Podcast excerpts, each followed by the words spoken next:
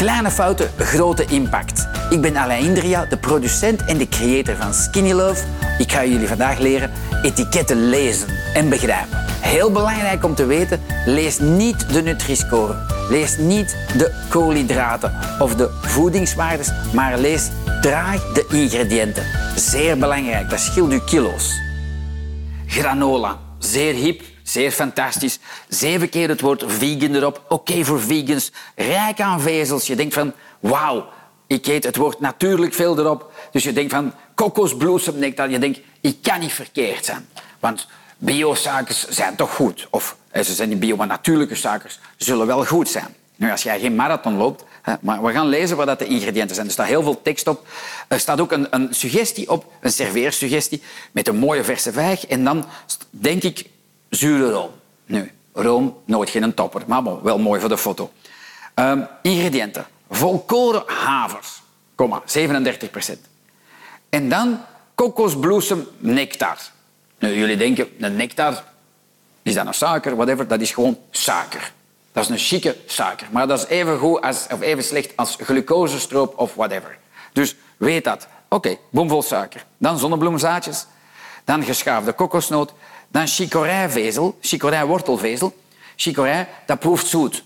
Dus dat is een tweede, suiker. Dan speltvlokken, dan wat zout. En dan raapzaadolie.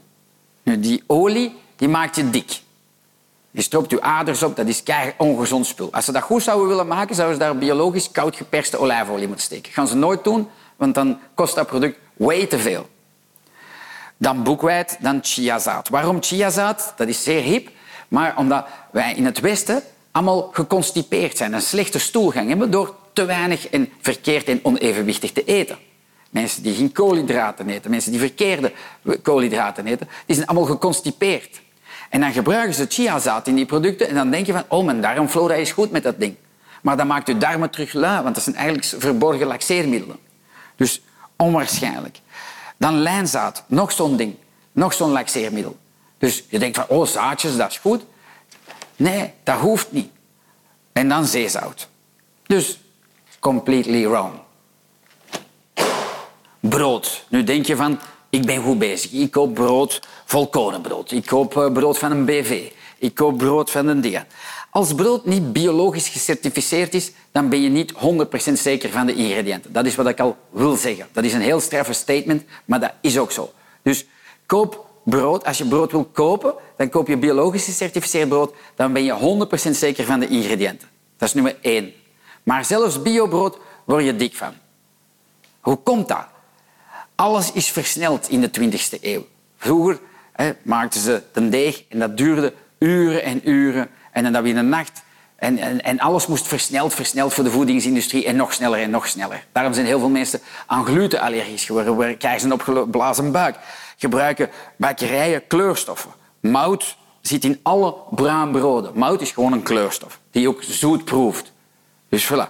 En ze doen daar zout in, ze doen daar van alles in. Hier zit er nog tarwegluten extra toegevoegd. En dan weer het verhaal van tja, lijnzaad. Want dan denk je hè, van echt goed brood ga je een vlotte stoelgang hebben. Van dit niet, want dat is eigenlijk witte bloem met van alles gemanipuleerd in en broodverbeteraars en whatever. Dus brood, wrong.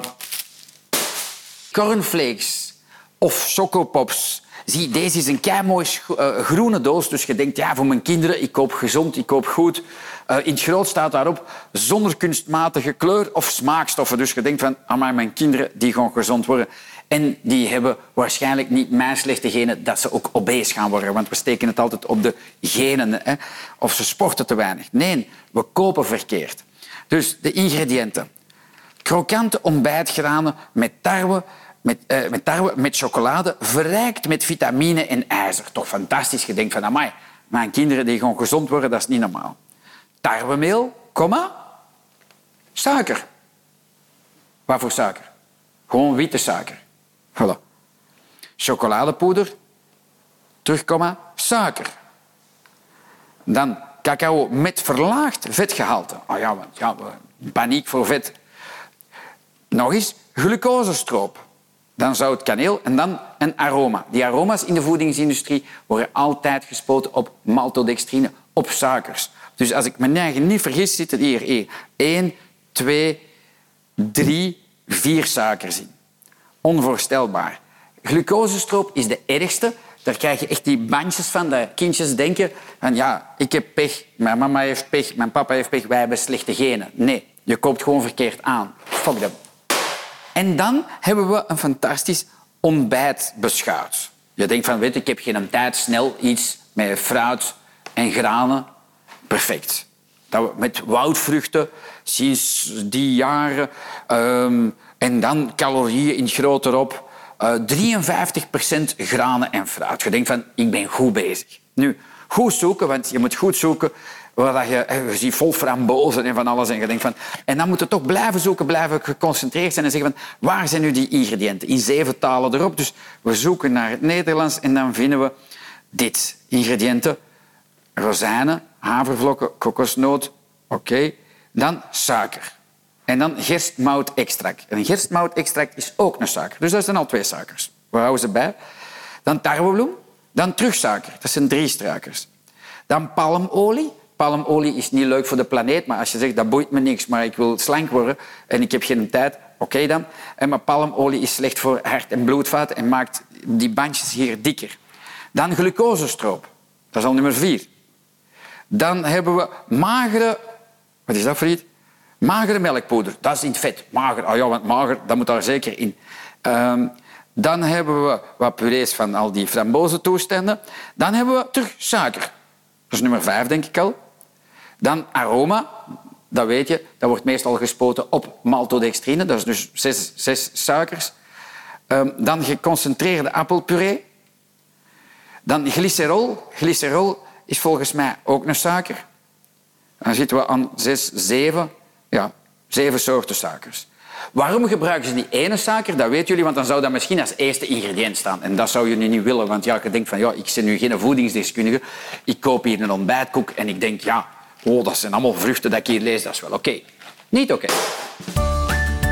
Zo, met al deze informatie kunnen jullie zelf aan de slag gaan. Ik ben alvast benieuwd naar jullie resultaten. Heel veel succes gewenst!